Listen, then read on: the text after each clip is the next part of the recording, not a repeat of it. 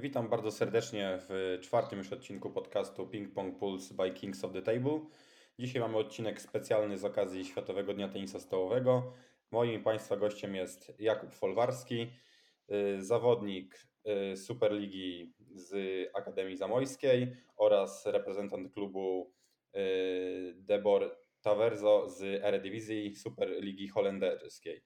Jego osiągnięcia indywidualne to wiele medali w młodzieżowych mistrzostwach Polski, dwa razy wicemistrzostwo Holandii z klubem Staverzo oraz rok temu złoty medal, rok temu dwukrotny złoty medalista studenckich Igrzysk Europejskich. W tym sezonie e, skupia się na występach drużynowych, a nie indywidualnych. Witam Cię Jakub, czy coś pominąłem? E, witam Cię Karol, witam wszystkich bardzo serdecznie. Myślę, że nie, chyba wszystko zostało dobrze przedstawione. Na początek chciałbym Ci pogratulować e, Tobie i Twojej drużynie ostatnich sukcesów w ostatnich dwóch kolejkach, gdzie zapewniliście sobie e, udział w fazie playoff e, Superligi. Tobie udało się ograć aktualnego mistrza, wicemistrza Polski w grze indywidualnej Tomka Lewandowskiego, przegrywając już 2-0. Także tutaj naprawdę gratulacje, ale myślę, że do tego tematu superligowego powrócimy sobie w późniejszej fazie rozmowy. Na początek chciałbym zadać takie pytanie, właśnie żeby to ułożyć sobie chronologicznie, dlaczego w ogóle wybrałeś tenisa stołowego? Skąd taki pomysł na ten sport? No to jest bardzo ciekawa historia, ponieważ e, moja przygoda ze sportem, pewnie nie wszyscy o tym, o tym wiedzą, zaczęła się tak naprawdę nie od tenisa stołowego, a od tenisa ziemnego, gdzie mój wujek, stryjek, mm, był trenerem w Siedlcach, e, z, z miasta, w, w którym się urodziłem e, i z którego pochodzę. I tak zaczęła się moja tak naprawdę przygoda ze sportem, od tego właśnie tenisa ziemnego. E, co mnie skłoniło, żeby w ogóle zająć, e, zająć się i zainteresować tym sportem? No tak naprawdę bardzo prosta i banalna rzecz. E, po szkole tak naprawdę nie było zbyt ciekawych zajęć dodatkowych, więc mama zaprowadziła mnie po prostu na tenisa ziemnego, abym spróbował swoich mocy i swoich umiejętności. No i tak się stało, że po prostu e, wujek zaszczepił we mnie tą, tą, tą chęć rywalizacji, e, chęć podnoszenia własnych umiejętności. E, I trwało to, przygoda moja z tenisem ziemnym trwała około 2-3 lat, z tego co pamiętam. To było około pierwszej klasy podstawówki, czyli to jest chyba w okolicach siódmego roku życia, z tego co pamiętam. Tak jest. No i przez te trzy lata no, szło mi naprawdę całkiem dobrze. W swoim regionie, tam w tym regionie siedleckim, w swojej kategorii, e, można powiedzieć, że górowałem nad swoimi rywalami, tak naprawdę nawet rok, dwa starszymi. Ale troszkę po tych trzech latach nastąpiło takie zderzenie ze ścianą, ponieważ przyszedł, przyszedł okres zimowy, gdzie trenowaliśmy pod balonem, przyszła wichura, zerwało balon i tak naprawdę wszystkie treningi w, zimy, w zimę były rozgrywane na hali E, no co było bardzo dużym problemem, no bo wiadomo, w sezon tak naprawdę tenisowy i tak jak wiemy, no nawet e, dzisiaj jak to wygląda, no to jednak ta, ta mączka i te korty twarde, no to, to jest po prostu podstawa. Na hali tak naprawdę, no to można to po prostu porównać do rekreacji. No i zderzenie ze ścianą było takie, że aby zająć się tym po prostu na profesjonalnie i na poważnie, były potrzebne bardzo duże nakłady finansowe, E, prywatny trener. My mieszkaliśmy w Siedcach, to musiałoby się wiązać z tym, że rodzice musieliby mnie albo dowozić do Warszawy, albo musielibyśmy wynieść się wręcz do Warszawy, żeby wszystko postawić na jedną kartę. No na tamten moment było to po prostu niemożliwe i finansowo, i tak naprawdę rodzice mieli swoją, swoją pracę tak naprawdę w Siedcach, więc też nie mogli wszystkiego poświęcić. E, więc po, w tym okresie mama zaprowadziła mnie na tenisa stołowego czyli po prostu to trochę zmiana, zmiana rakietki na mniejszą. E, I co ciekawe, mm, od pierwszego mm, tak naprawdę treningu trener Sylwester Dąbrowski, którego pozdrawiam, e, tak naprawdę zobaczył, że mm, przygoda z rakietką nie jest mi obca i, i, i tak naprawdę, że nie trzeba uczyć mnie wszystkiego od samych podstaw, bo już tak naprawdę ta koordynacja jest, to przygotowanie jakieś fizyczne, oczywiście takie jak na tamten wiek było potrzebne, to jest. E, I no, że może coś z tego tak naprawdę, tak naprawdę wyjść. A jeszcze to, jakim człowiekiem e, jest trener Dąbrowski, no to jest to człowiek, który można powiedzieć, no naprawdę do rany przyłóż, e, który był bardzo cierpliwy, bardzo spokojny w, w prowadzeniu tych zajęć, nie denerwował się, wszystko na spokojnie starał się wytłumaczyć, więc to tym bardziej mnie zachęcało i naprawdę z uśmiechem na ustach przychodziłem na salę. Stało się to moją pasją. No i tak to się, można powiedzieć, zaczęło. I to wtedy był, jak się nazywał ten twój pierwszy klub? MKS Pogoń Siedlce. I oni wtedy reprezentowali jakby siedcy i w której, jak była tam jakaś liga, jak już zaczynałeś grać, czy Eee, dopiero to były początki klubu? Nie, to już był klub z tradycją. Oni byli wielokrotnie, wiele lat w Ekstraklasie, w najwyższej e, lidze w Polsce, aczkolwiek na tamten moment, jak ja przyszedłem, to pamiętam, że chyba druga liga była najwyższą. Była drużyna w trzeciej lidze, ale druga była, była najwyższą, e, z ambicjami oczywiście na awans do pierwszej. Jak zaczynałeś, to od ilu treningów w tygodniu?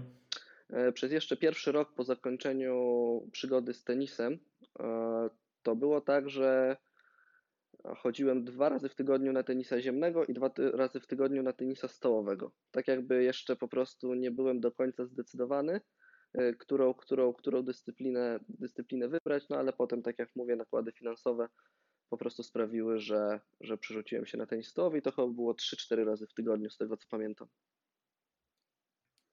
Jasne, no to całkiem sporo. Na początku też to taka, sam jestem jakby na co dzień trenerem tutaj z dziećmi i też mam paru Mhm, młodych chłopaków, co też są jeszcze multisport, trochę piłki mhm, nożnej, trochę mhm. tenisa stołowego, trochę ziemnego. Też jest ciężko się zdecydować, no ale w końcu moim zdaniem trzeba wybrać tą jedną dyscyplinę, na którą się człowiek nastawi i żeby próbować coś osiągnąć. Oczywiście, jeżeli ktoś chce tylko wszystko robić rekreacyjnie, no to ok, żeby się poruszać, ale jeżeli już idziemy chcemy być profesjonalistami, no to wtedy musi się to dziecko zdecydować ostatecznie. A po jakim czasie powiedz, czy ty zdecydowałeś, czy trener zdecydował, że będziesz grał defensywnie, chopem na stronie backendowej?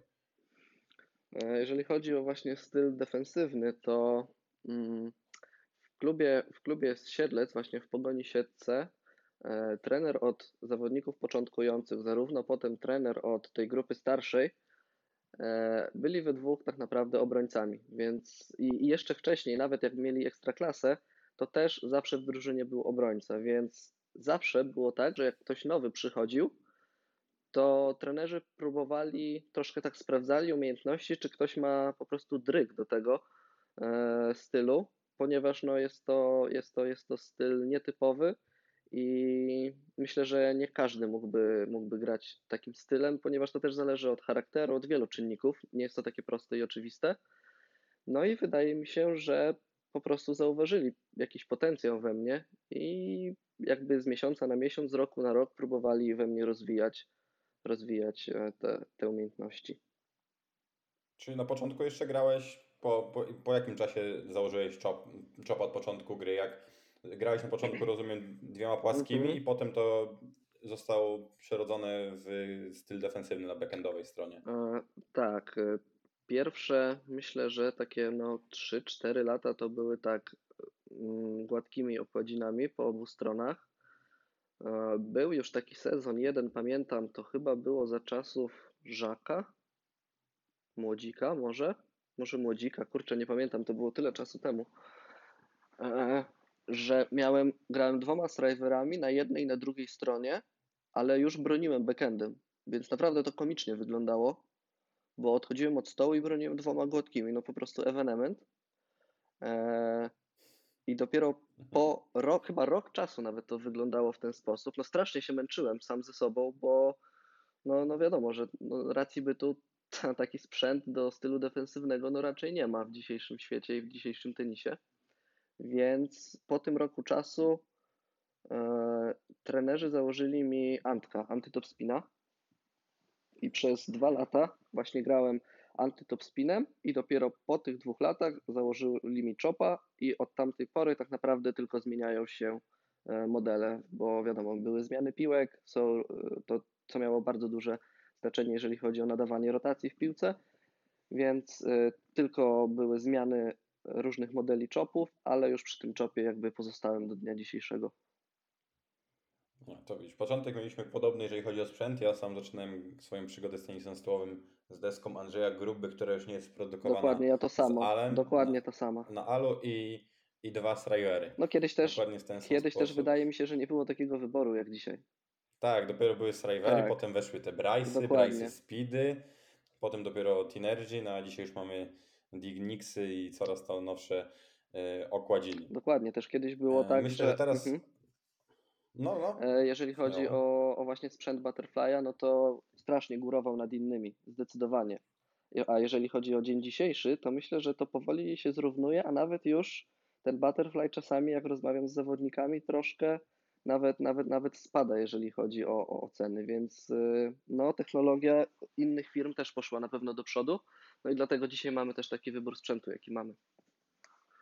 No i na pewno też, co nie przemawia za Butterflyem, to cena tych No okładzin. zdecydowanie tak. To jest chyba główny czynnik, dlaczego zawodnicy nie kupują, nie wykorzystują może tego sprzętu. Ja akurat osobiście nigdy w życiu nie grałem czy inną deską, czy inną okładziną niż Butterfly'a. Mhm.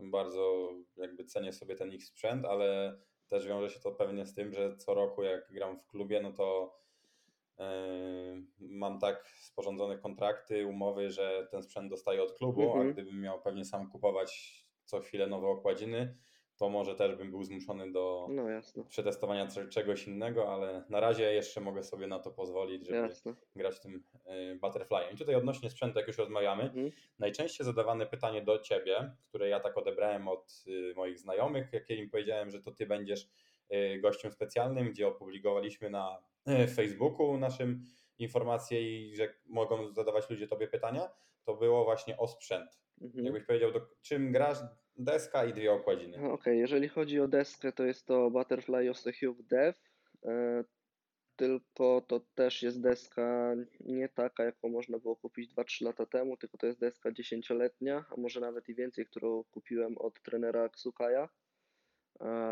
więc no jest bardzo ciężko dostępna i sam też czuję różnicę, jak próbowałem 2-3 lata temu deską totalnie nową, a tą, no to jest zupełnie, zupełnie jest z- innych materiałów i według mnie no, różni się bardzo, więc strasznie dbam o tą deskę, którą gram teraz, żeby mi posłużyła jak najdłużej.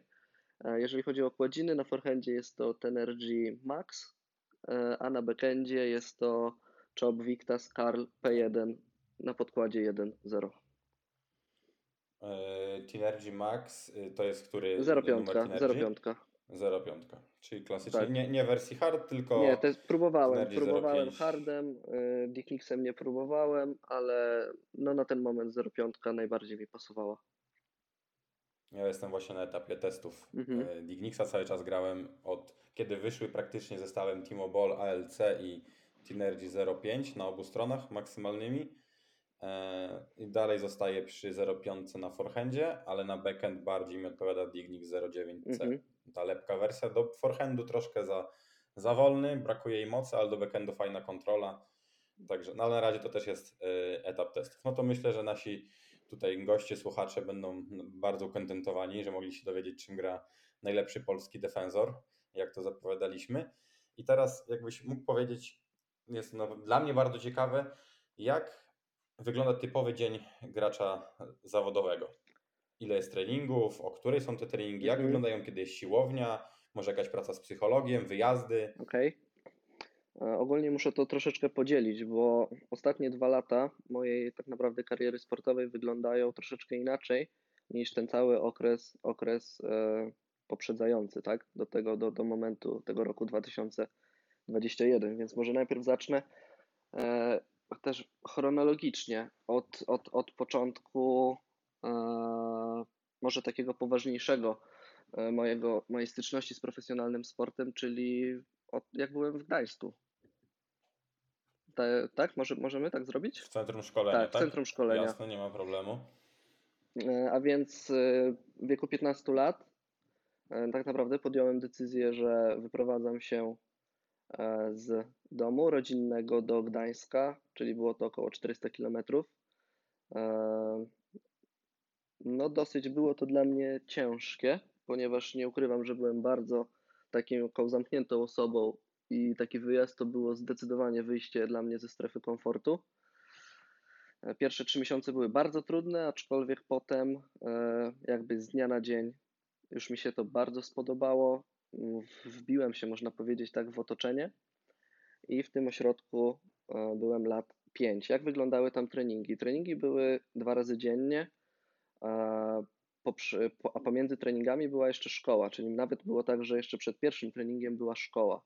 Więc treningi były o godzinie 10 rano, e, od 7 do 10, do 9, tak 40 mieliśmy e, lekcje w szkole, 2-2,5 godziny treningu, 12.30 obiad, 13 już 20 znowu w szkole na, na kolejne 2-3 godziny. E, Powrót około 15 do, do pokoju, chwila po prostu na zjedzenie czegoś małego, jakaś krótka drzemka i o 16 drugi trening. No i tak przez, można powiedzieć, 5 lat do, do czasu, do czasu e, matury, m, gdzie zdałem maturę w Gdańsku i też trzeba było podjąć pewną decyzję, co dalej robić. Czy zostajemy przy tym sporcie, czy, czy po prostu robimy co innego, czy, czy zajmujemy się innymi rzeczami. No ja jak najbardziej chciałem zostać w tym sporcie, aczkolwiek był problem, e, w Gdańsku jest problem z tym, że po 18 roku życia jesteśmy trochę zostawieni sami sobie. I jak sobie ogarniemy wszystko e, e, wokół siebie, no to, no to jest, jest wszystko fajnie, ale, ale nie do końca to jest takie, to jest takie proste, więc ja zdecydowałem się wyjechać do Krakowa po, po maturze, ze względu też na to, że był tam Ksukaj, czyli, czyli e, no dobrze znany w Polsce trener grający wcześniej e, stylem defensywnym. I spędziłem dwa lata w Krakowie w klubie z Mm, i tam treningi również były dosyć ciężkie, nawet czasami trzy razy dziennie, e, ale już nie miałem tej szkoły, więc mogłem się w 100% poświęcić. Zacząłem też pewnie będą pytania o studia, jak to było, więc od razu, od razu mogę powiedzieć. No chciałem studiować w Krakowie, zapisałem się nawet na e, wychowanie fizyczne w Krakowie i próbowałem, no niestety dwa tygodnie tylko udało mi się tam postudiować, ponieważ mimo, że miałem nawet indywidualny tok studiów, to podchodząc do wykładowców i mówiąc, że, że jestem w kadrze, że mam wyjazdy, że sport i tak dalej, to dostawałem po prostu odpowiedź: To super, gratulacje, ale co mnie to w ogóle interesuje? Masz tu być i masz po prostu zaliczać, więc e, tak naprawdę no to było dla mnie takie dosyć duże zderzenie, że i, i niezrozumienie drugiej osoby, e, więc, więc, więc te studia porzuciłem, e, ale mm, gdzieś w internecie coś śmignęła uczelnia Wyższa Szkoła Edukacja w Sporcie. I tam zapisaliśmy się wraz z moją partnerką, która też była w Krakowie, która też jest tenisistką stołową i we dwójkę tam e, zaczęliśmy, te, zaczęliśmy te studia, e, które udało się ukończyć. Oczywiście też mogę e, z tego miejsca bardzo podziękować mojej partnerce, bo gdyby nie ona, to na pewno by mi się nie udało tych studiów dokończyć, ponieważ ja w 100% skupiłem się na treningach, na sporcie, na wyjazdach e, i bardzo ciężko było pogodzić, pogodzić mi i sport, i naukę, i egzaminy, i to wszystko, a dzięki tej szkole, dzięki mojej partnerce udało się dopiąć, dopiąć, dopiąć e, te sprawy, jeżeli chodzi o studia, do samego końca. Wracając jeszcze do treningu. Po dwóch latach w Krakowie mm, coś się po prostu skończyło. Mm, Doszło do różnych nieprzyjemnych sytuacji, e, które nie chcę tutaj też wchodzić, no bo to nie ma to po prostu sensu i też nie o tym jest ta rozmowa.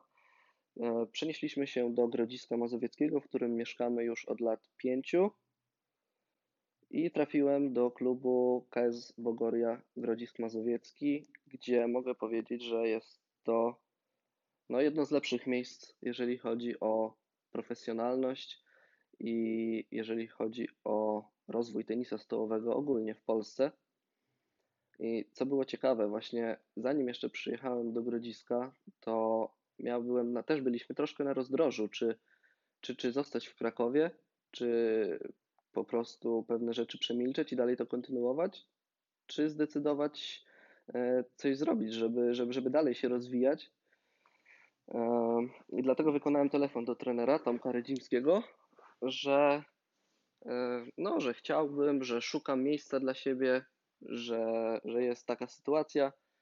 No i trener Tomek mi powiedział, to pamiętam jak dzisiaj, że no Kuba, wiesz co, jest trochę późno, my mamy małą salę, raczej mamy już komplet na przyszły sezon, ale dla ciebie zawsze zrobię to miejsce i możesz przyjeżdżać nawet jutro, szukaj mieszkania, nie ma największego problemu. Więc, więc, więc, więc to mi dało też takiego powera, że, że jest osoba, która tak naprawdę obserwuje mnie cały czas i też wierzy w to, że mogę zrobić jeszcze, jeszcze jakiś postęp, więc nie zastanawiałem się nawet, nawet chwili. Po prostu spakowaliśmy się, wyjechaliśmy do Grodziska, zaczęliśmy tutaj, można powiedzieć, trochę nowe życie. Em, I jesteśmy tutaj do dzisiaj. Jeżeli chodzi o treningi tutaj, jak one wyglądają, to przez pierwsze 3 lata e, trenowałem dwa razy dziennie. E, Jeżeli chodzi o okres wakacyjny, było to tak naprawdę jeszcze więcej, jeszcze dłużej, jeszcze bardziej intensywnie. Mm, Po trzech latach mm, zaczęły się różne problemy zdrowotne. Zacząłem grać więcej za granicą, więc dosz- doszły bardzo długie podróże. E, Doszła też presja związana z klubami za granicą. Wiadomo, jak jest, jak jest e, niższa liga, no to są niższe nakłady też i finansowe, i wymaganiowe. Jeżeli jest wyższa liga, no to już ta presja troszeczkę rośnie. Wiadomo, też to się wiąże z różnymi finansami, no i kluby coraz więcej wymagają, więc tego stresu na pewno było też dużo więcej.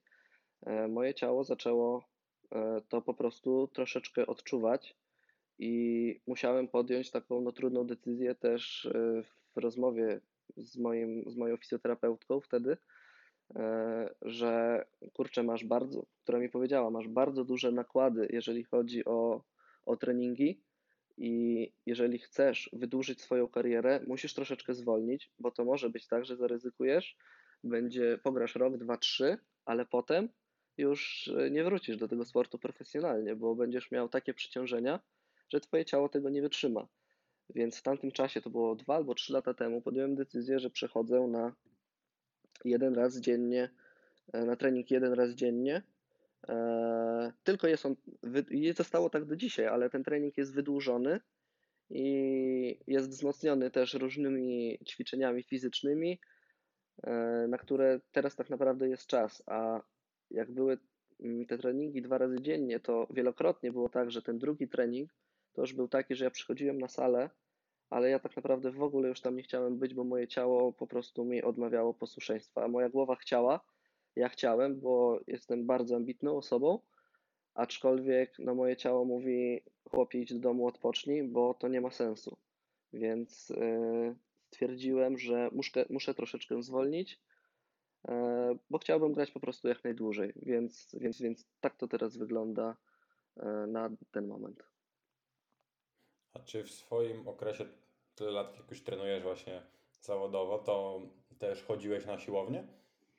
E, Jeżeli chodzi o siłownię, to głównie w okresie e, wakacyjnym treningi, tre, trening e, jakiś fizyczny, aczkolwiek raczej ja jestem zwolennikiem treningu, jeżeli chodzi na, to na własnym ciężarze ciała, a raczej bez jakichś większych ciężarów. Pamiętam jak na kadrach seniorskich było tego, tego, tego treningu fizycznego ze sztangami, dosyć dużymi kilogramami, bardzo dużo i no nie wspominam tego za dobrze.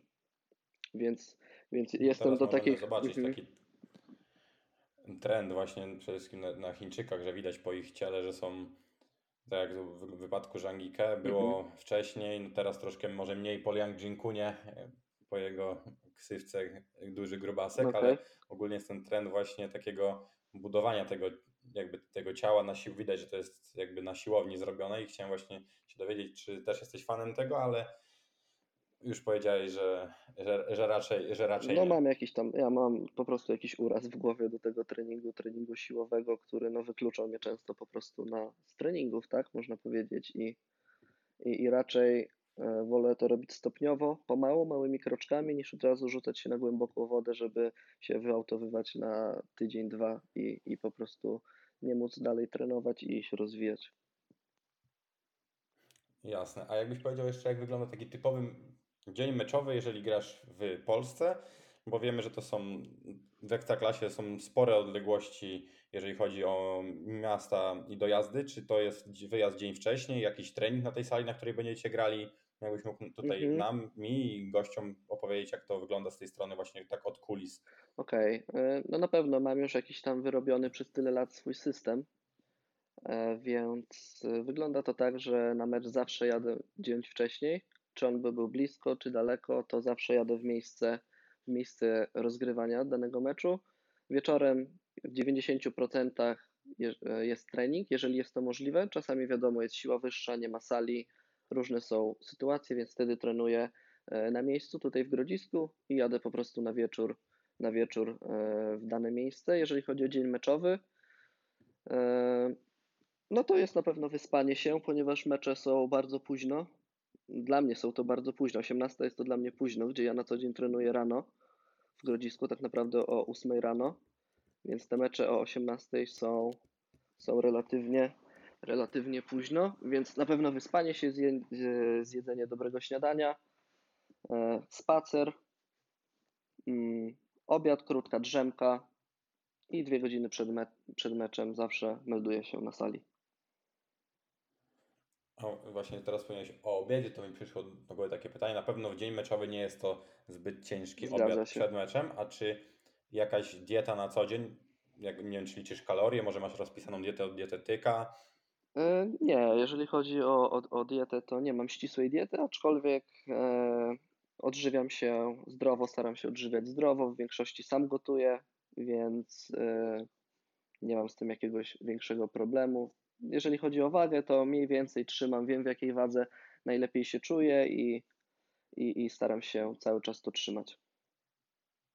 A suplementacja, coś jest takiego, że zawodnicy na przykład, nie wiem, może piją przed meczem podczas jakichś, czy elektrolity wodą mieszają, coś, coś, to ma jakieś znaczenie, czy w ogóle E, to nie, nie jest twoja bajka? To znaczy tak, jeżeli chodzi o suplementację, no to takie podstawy jak witamina C, D i B, no to jest zawsze magnez. To jest taki standard mój w ciągu dnia, że to czy ja jestem na meczu, czy jestem na wakacjach, nie ma to żadnego znaczenia, to zawsze biorę. E, Jeżeli chodzi o treningi, no to jest to zawsze jakiś izotonik plus woda. E, Na meczu również elektrolity, izotonik. Czy to pomaga? Nie wiem. Myślę, że w głowie na pewno. A to jest chyba ważniejsze. Chyba każdy ma jakieś swoje rytuały, Tak. że czegoś nie robi albo robi przed meczem. Myślę, że to jest e, indywidualna sprawa, ale tak właśnie chciałem podpytać, bo jest dużo przede wszystkim graczy troszkę na niższym poziomie, którzy nie mieli styczności z tym Mhm. profesjonalnym sportem, którzy lubią takie ciekawostki, może będą mogli sobie coś do swojej gry e, zaimplementować. To idąc właśnie, już zaczęliśmy od tego, jak trenowałeś, jak zaczynałeś z tym sportem, przygodę jakbyś, jakim najlepszym zawodnikiem kiedykolwiek w życiu grałeś? Z jakim najlepszym zawodnikiem? Kurczę, muszę chwilę się zastanowić, żeby tu kogoś nie urazić teraz. Um, chodzi o mecz czy o trening? Może zacznijmy od meczu. Od meczu. Od meczu. Z kim zmierzyłeś się w lidze, czy może na jakimś turnieju? Mhm. Takim zawodnikiem, który według Ciebie miałby największe osiągnięcia. Nie był w danym, najlepszy, w danym momencie najlepszy, tylko Mhm. historycznie jego osiągnięcia są najlepsze. Mhm, mhm.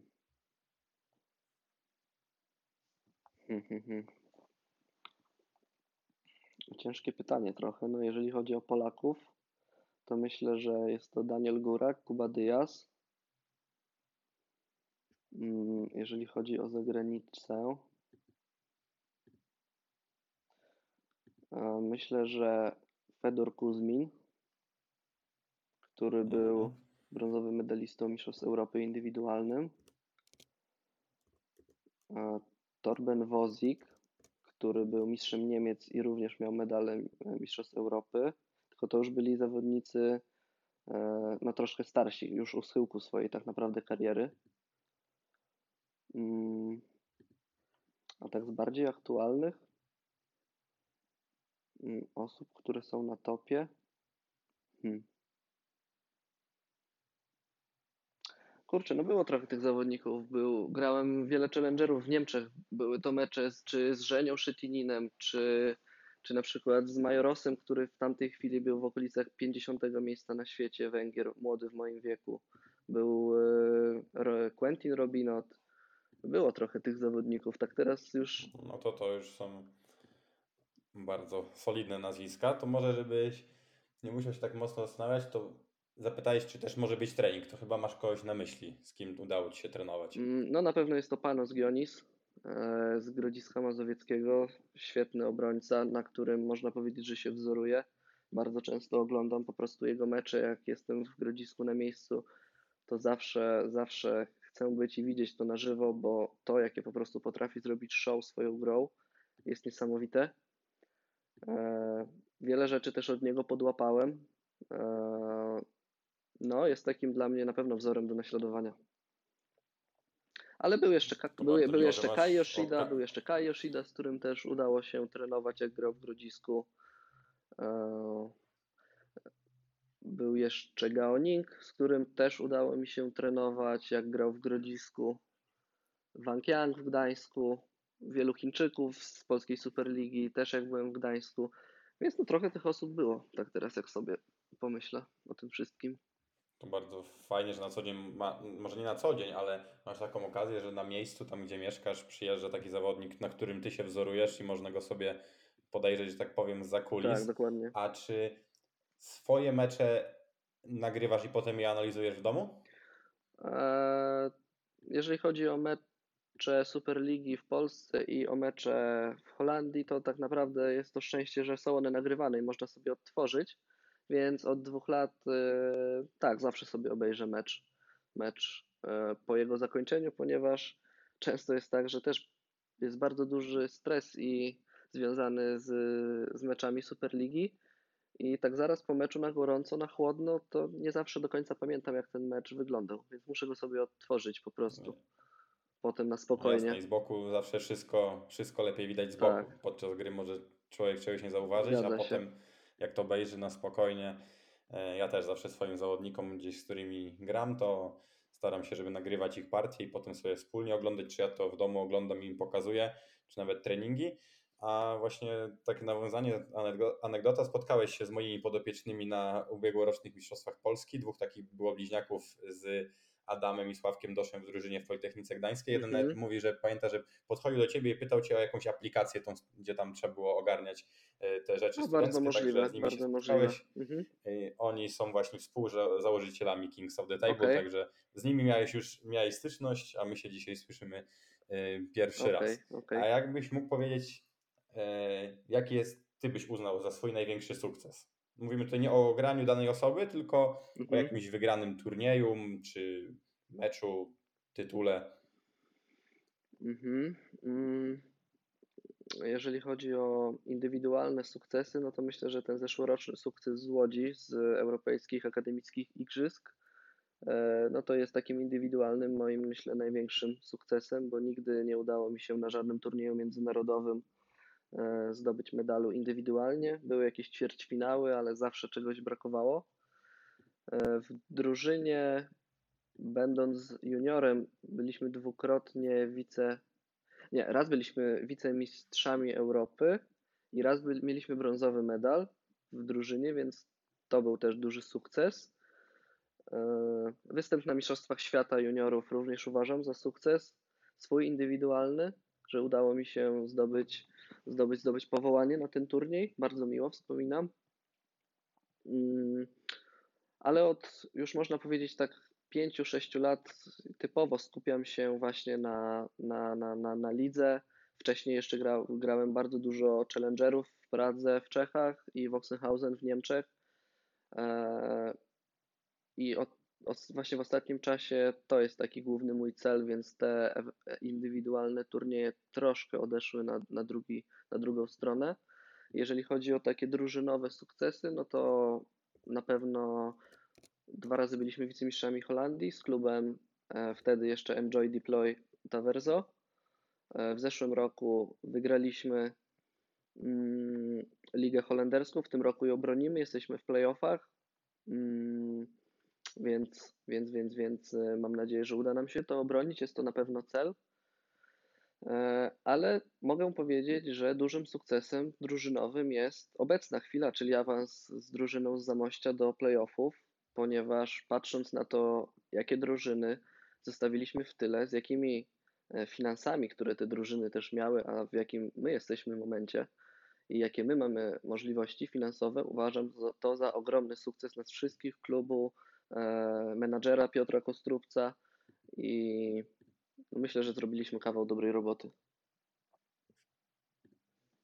No to za chwilę też przejdziemy właśnie do tego tematu e, aktualnego sezonu. Właśnie podsumowanie tej przede wszystkim ostatniej rundy była ona naprawdę ciekawa na przestrzeni całej ligi. E, a czy masz jakąś partię, która tak zapadła Ci w pamięć? E, Z tego sezonu? Czy ogólnie? Może być z tego sezonu, może być ogólnie jakaś taka, którą byś powiedział, że no co, czy coś się może nie wydarzyło specjalnego, może kogoś dobrego ograłeś. Mm, Taka jedna, którą miałbyś tak gdzieś Ci może siedzi w głowie, taka pierwsza, która by Ci przyszła do głowy. mm, hmm.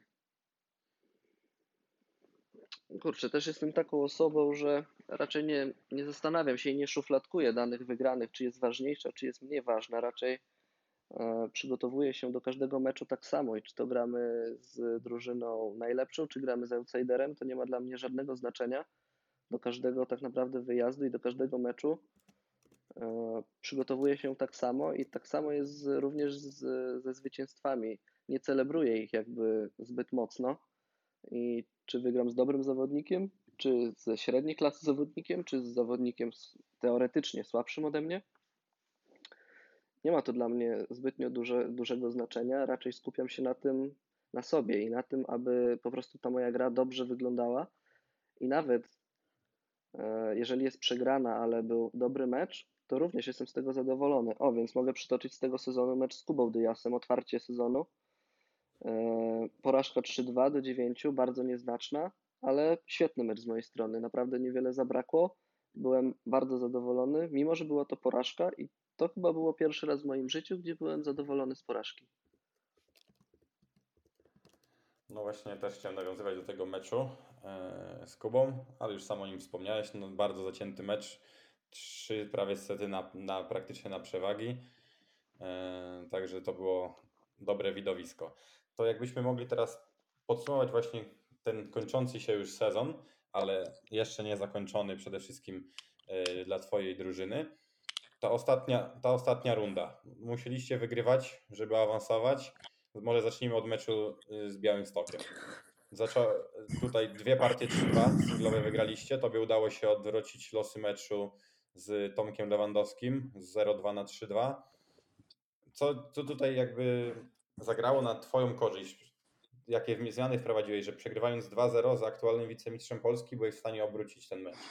Mm, No tak, na pewno bardzo trudny mecz y, pod względem emocjonalnym też, e, ponieważ wiedzieliśmy, że mm, te ostatnie dwa mecze są decydujące. Nawet nie chodzi o wejście do playoffów, ale nawet o utrzymanie się w lidze i to dla klubu z Zamościa było, było, było najważniejsze i priorytetowe w tym sezonie, aby pozostać w gronie. Wiemy, że spada, spadają cztery zespoły.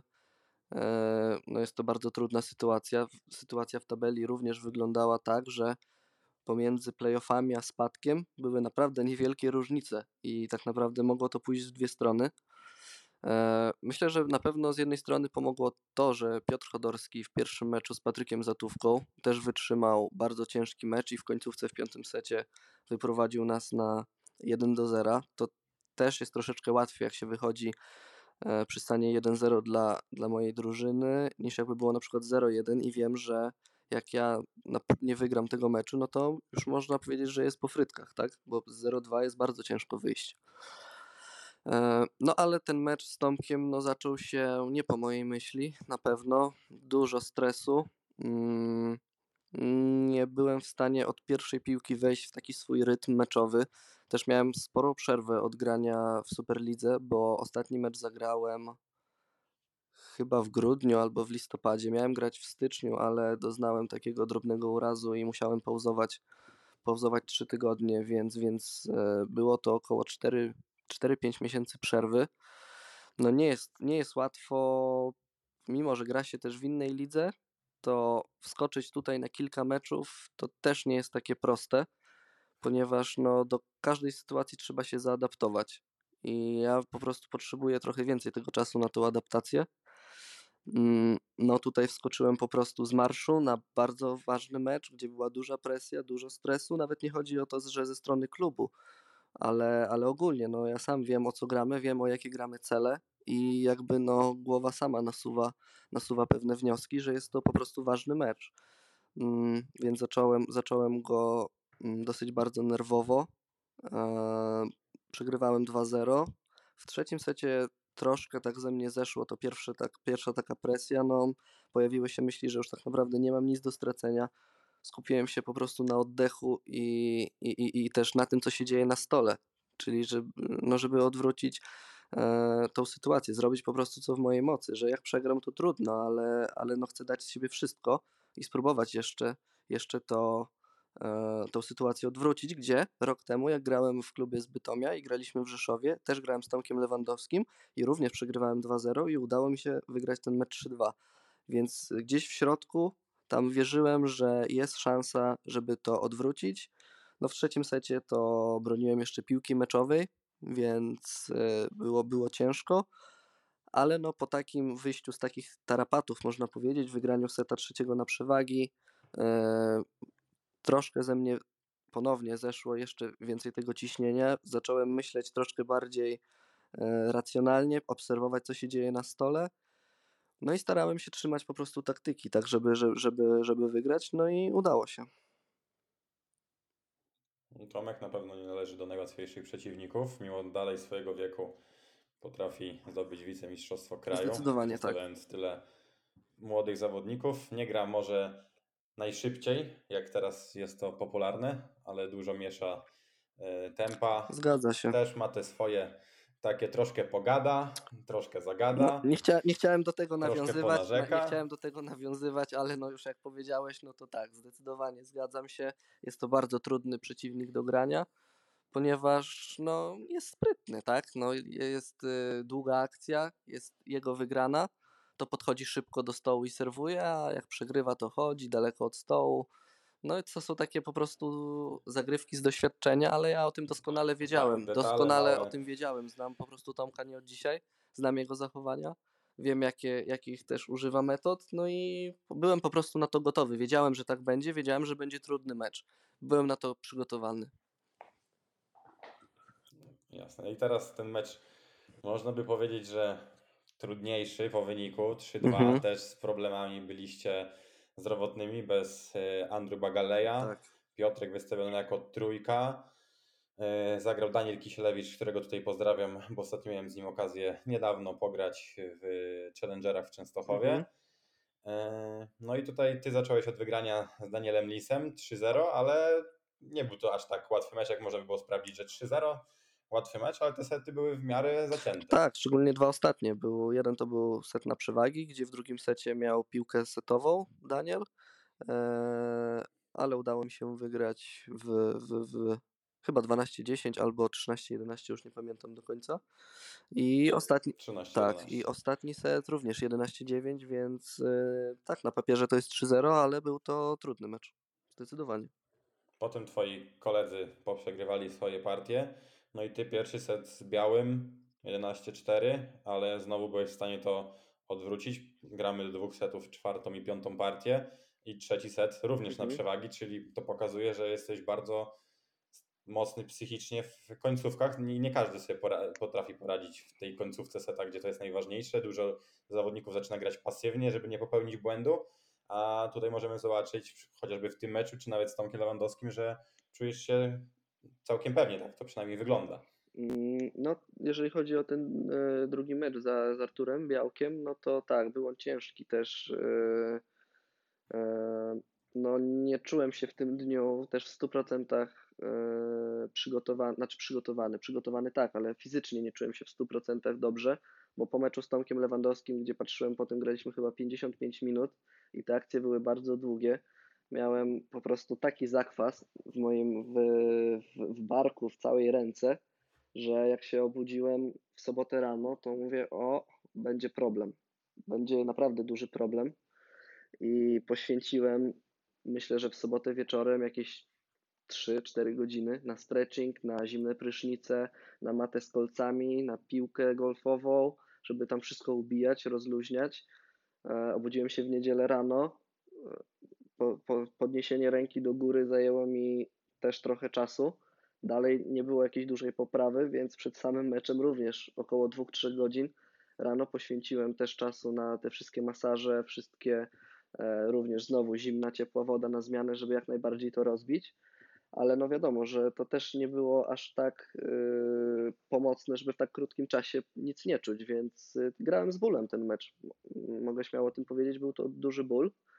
E, aczkolwiek wiedziałem, że nie pierwszy raz już mam taki zachwas, bo jak grałem na Challengerach, czy w Niemczech, czy, czy, czy w Czechach, to tam się grało po 4-5 partii i zazwyczaj ten drugi dzień zawsze był z takim zakwasem. E, więc wiedziałem, że to nie jest uraz i nie mogę zrobić sobie krzywdy, tylko muszę po prostu zacisnąć zęby i, i po prostu starać się, starać się grać i znaleźć taki sposób, żeby użyć jak najlepiej moich umiejętności, ale też, żeby nie pokazywać rywalom, że coś jest ze mną nie tak. Więc y, po pierwszym meczu z Danielem Lisem myślałem, że troszkę ręka się rozgrzeje i będzie lepiej, no ale no niestety poszło po, nie, po, nie do końca po mojej myśli, no bo było, było gorzej. I jak zacząłem się rozgrzewać przed meczem z, z Arturem Białkiem, to nie było za bardzo myśli, e, czy, czy jak tu grać, jak tu wygrać, tylko żebym ja wyszedł po prostu i mógł w ogóle grać, bo, bo, bo na tej rozgrzewce to no, cholerny ból był przy podnoszeniu w ogóle ręki do góry, a gdzie tu mówić w ogóle o graniu, o kontrach e, i o mocnych uderzeniach. E, Więc y, troszkę ten pierwszy set był taki asekuracyjny z mojej strony, bo po prostu bałem się trochę o to. Przegrałem go bardzo gładko, ale no od drugiego seta mówię, no nie, kurczę, jestem tutaj, walczymy o, o awans do playoffów. Ja nie będę teraz po prostu się e, przejmował tym, że mnie troszkę boli ręka. Wiem, że nic mi się nie stanie, biorę się do roboty i z bólem, nie z bólem gram, walczę i zrobię wszystko po prostu, żeby nie mieć do siebie wyrzutów, mm, że, że, że mogłem zrobić coś więcej po prostu, więc zacisnąłem zęby, troszkę ręka mi się dogrzała, więc od tego drugiego seta nie czułem już aż takiego dyskomfortu. Potem weszła adrenalina, bo się zrobiło po jeden. E, Też to był mój drugi raz w życiu, kiedy grałem do dwóch setów, więc też niełatwe zadanie, więc adrenalina była, była, była dość duża. No i końców, w końcówce trzeciego seta broniłem również meczowej 10-9, miał Artur Białek. E, No ale tak, wytrzymałem to, wytrzymałem to do końca i bardzo się cieszę, że, że udało nam się awansować do tych playoffów. Czyli nie tylko walka z przeciwnikiem, ale walka z bólem. No, No, i dokładnie. na zakończenie meczu Debel, który przegrali pierwszego seta na przewagi. Twoi Tak, koledzy z drużyny, potem dwa sety udało im się wygrać i to wy zagracie ostatecznie w piątek już w ćwierćfinale Lotto Superligi. Wasz przeciwnik niezwykle ciężkie zadanie was czeka. Dekor Glass Działdowo. Jak przygotowanie do tego meczu, jak nastawienie? nastawienie na pewno jest dobre, jest bojowe. Jesteśmy bardzo dużym underdogiem, e, jeżeli chodzi o, jeżeli chodzi o ten piątkowy mecz. E, Liczymy na walkę, na super mecz, na atmosferę. Mm, Będziemy robić co w naszej mocy. Wiadomo, że przeciwnik jest piekielnie mocny. No i tyle. Myślę, że to jest najważniejsze, aby dać siebie wszystko i nie mieć potem wyrzutów, że, że o, odpuściliśmy, bo, bo oni to mocni, to i tak nie mamy szans. Nie no, wychodzimy, walczymy, to jest sport, a czy się wygra, czy się przegra, to już po prostu przy stole sytuacja to pokaże. Ja liczę na bardzo dobre widowisko. Na pewno będę oglądał wszystkie mecze. Postaram się tak to w miarę odpalić. Akurat będziemy się szykować do naszego turnieju niedzielnego już od piątku, ale myślę, że tak odpalimy, żeby móc poglądać trochę każdego meczu. Także będę podpatrywał. No my gramy o 16, jak jako, sobie je- jako radzisz? jedyni gramy o 16, więc Jako jedyny. No to więc- będzie więc tak. ułatwienie. Najpierw możemy obejrzeć wasz mecz, potem sobie będziemy skakać Tak. między trzema innymi meczami. Chciałbym zadać też takie pytanie, Mhm. jak, jak łączyć e, grę w dwóch ligach? Czy to jest, no na pewno to jest wyzwanie. Jak sobie ty z tym radzisz? Mm, tak, jest to wyzwanie, nie jest to proste. Mm, Już nie wiem od czego zacząć, jeżeli chodzi o ten temat, bo on wałkuje się w mojej głowie przez ten sezon tak naprawdę cały czas i, i, i cały czas zadaję sobie pytanie, czy to jest sens dalej łączyć, czy raczej wybrać po prostu jeden, jeden klub, no bo no, no niestety, jeżeli jest tyle wyjazdów, ile ja mam, e, no to jest mało czasu na inne rzeczy niż tenis, jest mało czasu na trening, jest mało czasu na regenerację. Można powiedzieć, miałem sytuację taką w pierwszej rundzie, że od września do grudnia. Miałem chyba dwa weekendy tylko wolne, a tak to były cały czas wyjazdy.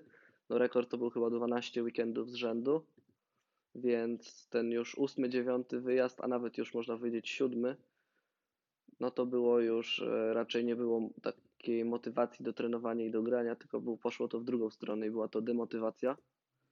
E, Było pytanie też o psychologa, więc tak, od tego roku współpracuję z psychologiem typowo sportowym. E, Myślę, że jest to bardzo dobra decyzja, którą podjąłem w zeszłym roku. Też e, po namowach i moich rodziców, i mojej partnerki widzieli, ile mnie to kosztuje. E, Wszystkiego tak naprawdę, i nerwów, stresu, zdrowia. E, I, i, i, i zasugerowali, żebym po prostu spróbował.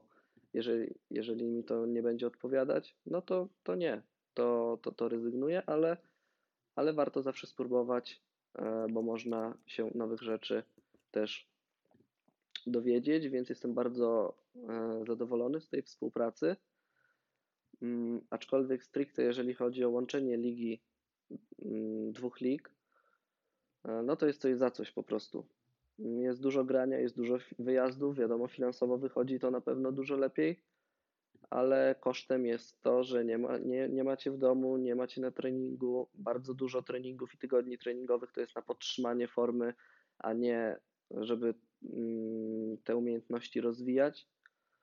E, Też dlaczego, dlaczego tak jest, że e, te mm, tygodnie treningowe wyglądają tak, że są na podtrzymanie, a nie można przycisnąć? No dlatego, że e, niestety, ale największym minusem tego, że gra się w klubie gdzieś, a nie w miejscu, w którym się trenuje, czyli powiedzmy tak jak chłopaki trenują w Bogorii i grają tutaj w klubie, a jaka jest różnica, że ja tutaj trenuję, a gram gdzieś indziej?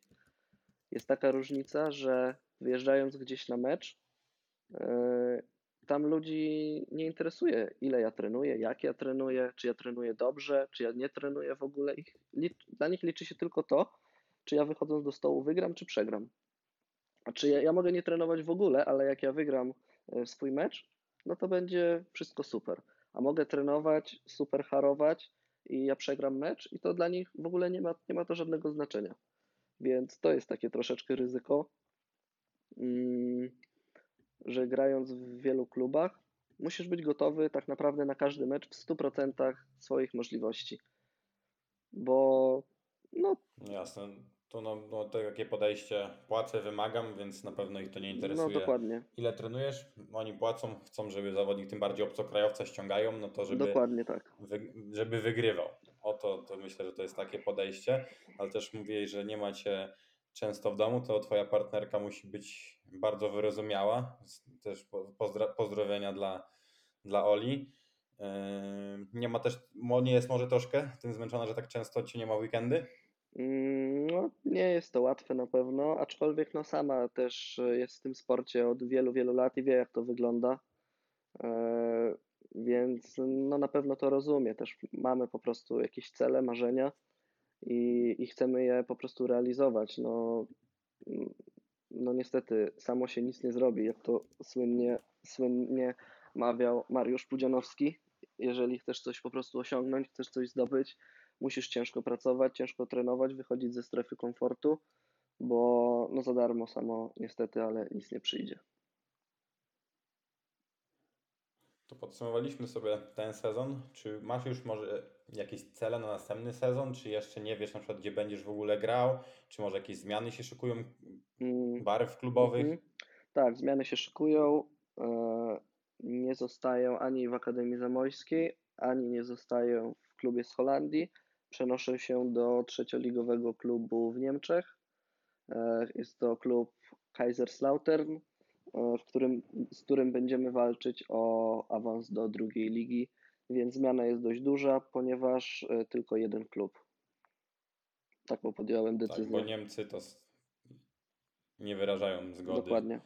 na granie w dwóch ligach, czyli tylko jedna liga, no to może mniej obciążeń będzie, na przykład na pewno mniej obciążeń, więcej weekendów w domu. Yy, Życzę powodzenia, a jakbyś mógł powiedzieć tak już słowem idąc do końca, jak, gdzie siebie widzisz, w te, czy w te, dalej w tenisie stołem za 10-15 lat, jako może ciężko już może jako zawodnik taki profesjonalny, ale może Mhm. jako trener, działacz.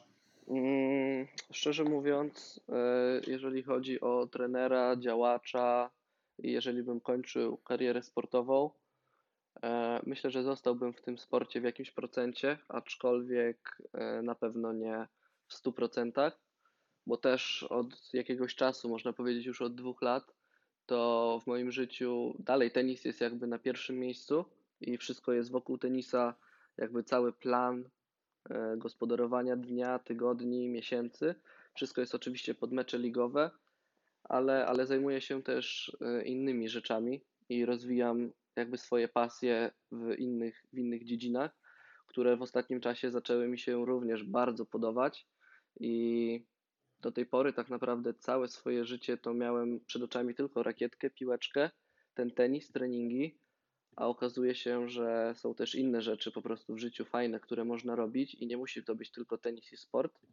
Więc y, dlatego też taka decyzja, żeby e, grać w jednym klubie e, i mieć też więcej czasu po prostu na inne działalności, którymi zacząłem się zajmować, które dają mi bardzo dużą satysfakcję, które też mnie rozwijają, powodują to, że poznaję innych ludzi, spełniam się e, i myślę, że ten balans musi, musi być ten balans, bo jeżeli jest czegoś za dużo, to jest źle. Jeżeli jest czegoś za mało, to też jest źle.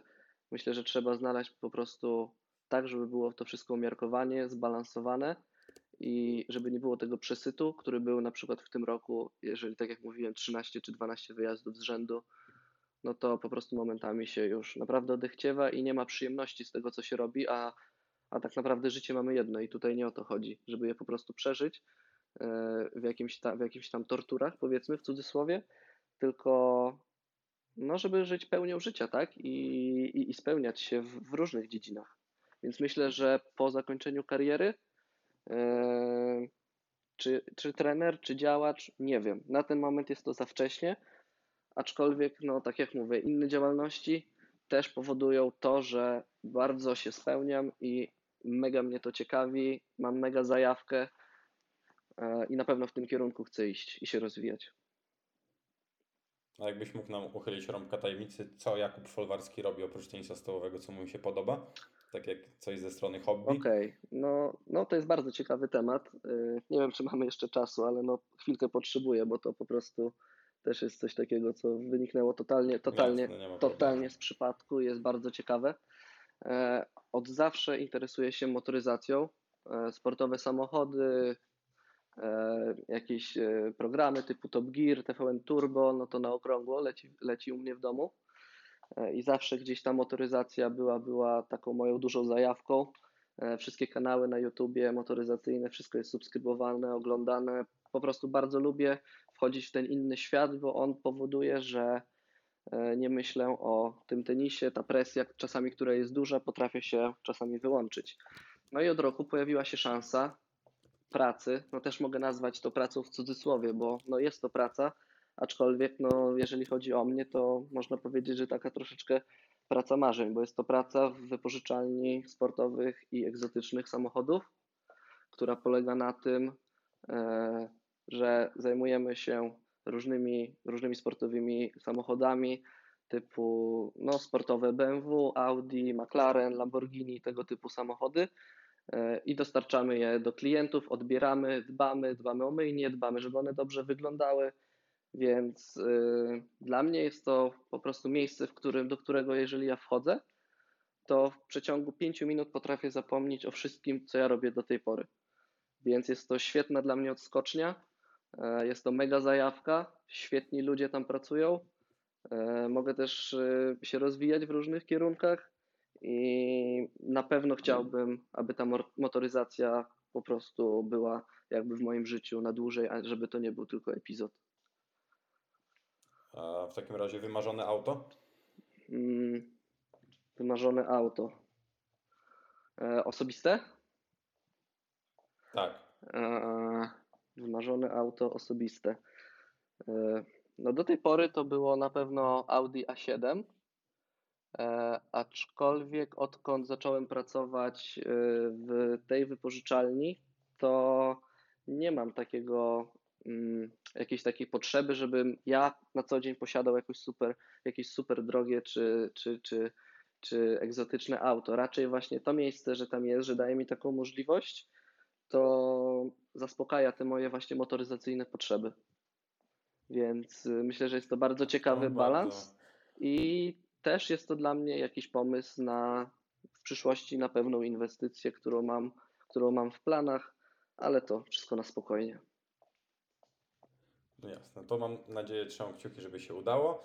I na zakończenie, jak to mamy w swoim zwyczaju, testujemy wiedzę, quiz dla naszego gościa.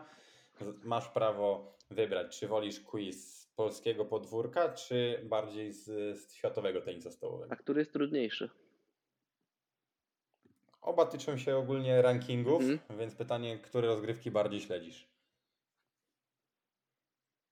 Myślę, że podobnie. Jedna osoba wolała polskie podwórko, Mhm. na przykład prezes Piasta Ostrzeszów Jarek Krzywaźnia Okej. totalnie nie chciał światowego tenisa stołowego, a znowu Wojtek Chrząszcz był testowany właśnie ze światowego. Także wybór należy do ciebie. Eee, Z Wojtkiem Chrząszczem prześledziłem ten podcast, bo właśnie jak dostałem zaproszenie, to chciałem zobaczyć, jak wygląda i się trochę przygotować, więc jeżeli to są te same pytania, to wolałbym co innego. Jeszcze coś To innego? znaczy, jeżeli chodzi o światowy, o światowy, e, Światowy. Dobra, Mhm. to właśnie może przejdziemy w takim razie No na polskie właśnie, podwórko, tak. trochę bardziej tutaj jesteś zeznajomiony Mhm. z tymi zawodnikami. Bardzo aktualny temat, Lotto Superliga kończąca się. mhm, Jakbyś wymienił piątkę najskuteczniejszych zawodników rankingu indywidualnego. mhm. E, mówimy o procentach, czy mówimy o ilości zwycięstw? Bo to też chyba się troszeczkę różni. E, Tak, tutaj e, widzę, że system układa, bo ja mam odpaloną oczywiście Mhm. stronę PZTS-u. System układa w sposób e, taki, że jest to liczba punktów albo aż pięciu zawodników ma 17 zwycięstw i są oni ułożeni w kolejności od tego, kto Okej. ma mniejszą liczbę przegranych. Czyli procent Mhm. zwycięstw. Dobra, no na pewno Kuba Dyjas, E, Miłosz Redzimski, Tak Patryk jest. Chojnowski, Tak. 3 na 3. e, No i teraz właśnie, i teraz jest e, pięciu zawodników, którzy mają tą samą liczbę zwycięstw, różnią się tylko Mhm. ilością przegranych gier. mm, Wanji, Jest Wanji, ale on z tych pięciu zawodników ma najwięcej przegranych okej. gier. Mm, mm. E, Asuka Machi, Mm, Nie. Okej. A ile, ile mają zwycięstw? Jak, Po 17 zwycięstw wszyscy. po 17 zwycięstw. Kto tam jeszcze mógł być? Mm, Z jednym zawodnikiem grałeś w tym sezonie. Na pewno. Amireza Którzy Abasi? Zostali ci. Tak jest. No tak, świetny sezon ma przecież w tym, w tym roku. Mm, Kurczę, ciężko będzie z tym ostatnim. Jeszcze jeden jest. Abasi jest jako szósty ogólnie. Mhm. ale też ma 17 zwycięstw. I czwartym zawodnikiem jest zawodnik drużyny, z którą będziecie grali w piątek. Okej, Kajko Nishi, tak? Tak jest. I piątym zawodnikiem z tego grona, oprócz Miłosza Radzimskiego, jest najmłodszy. E, jeszcze raz, bo coś mi przerwało. Eee, mówię, że ob- nie licząc Miłosza Radzimskiego, Mhm. z tych najskuteczniejszych zawodników, ten, którego ci brakuje, jest najmłodszy. Najmłodszy. Okej. Mm, Nie licząc Miłosza. Mhm. mm, E, no tak, y, Władysław Ursu. Tak jest. No I tak, to to jest właśnie też- cała piątka. Jednym zawodnikiem, który nie został wymieniony przez ciebie, a ma tą samą liczbę zwycięstw, ale jest na siódmym miejscu, jest Robert Flores. No tak, tak. też Myślałem właśnie o, o Robercie jeszcze, ale, ale nie byłem do końca pewny. E, tak. No to jest to wszystko, co dzisiaj chciałem z Tobą poruszyć. Bardzo Ci dziękuję, że znalazłeś e, czas. Jak słyszeliśmy, Jesteś bardzo zapracowanym człowiekiem. Na pewno musisz się przygotowywać do piątkowego meczu, na którym e, życzę Ci powodzenia. No i Dziękuję życzę też bardzo. powodzenia, żebyś spełniał się w swojej e, pasji oprócz tenisa stołowego. W następnym sezonie awansu do drugiej Bundesligi. Czy chciałbyś kogoś może pozdrowić? Jakieś parę słów dla naszych słuchaczy? Y, No na pewno pozdrawiam rodziców, moją partnerkę, bo na pewno, bo bardzo mnie wspierają i jest to, jestem przekonany, że będą słuchać tego podcastu. Y, Do młodych zawodników mogę powiedzieć, że cierpliwość, pasja i wiara we własne umiejętności może zaprowadzić naprawdę daleko. Dziękuję za te słowa. Ja kończąc w swoim zwyczaju przypominam o subskrybowaniu wszystkich naszych platform społecznościowych. Na pewno to nam pomoże w rozwoju i promocji tenisa stołowego. I zapraszam wszystkich chętnych na turniej 23 kwietnia do Przeźmierowa pod Poznaniem z okazji Światowych Dni Tenisa Stołowego. Jesteśmy jednym z 35 promotorów na całym świecie, y, wybranym przez ITTF jako jedyni w Polsce. E, Turniej w czterech kategoriach do 18 lat, 18, 50, 50 plus oraz amatorzy. Do wygrania oprócz pucharów nagród rzeczowych e, pieniądze. Także zapraszam wszystkich chętnych zawodników. Start turnieju godzina 10. I ostatnie pytanie, które muszę Ci zadać, to jest, czy kogoś chciałbyś usłyszeć w naszym podcaście? Mm, Myślę, że ciekawą osobą e, jest menadżer Akademii Zamojskiej, Piotr Kostrubiec, który jest osobą, która tak naprawdę w tym klubie spina e, sama wszystko do kupy i robi bardzo tam dobrą robotę. E, Myślę, że jest bardzo ciekawą osobą, która miałaby wiele do powiedzenia w tym temacie. Dobra, weźmiemy to pod uwagę. Będziemy starali się, żeby u nas on wystąpił. Także dziękuję jeszcze raz za rozmowę i do usłyszenia w następnym odcinku. Dzięki bardzo, pozdrawiam.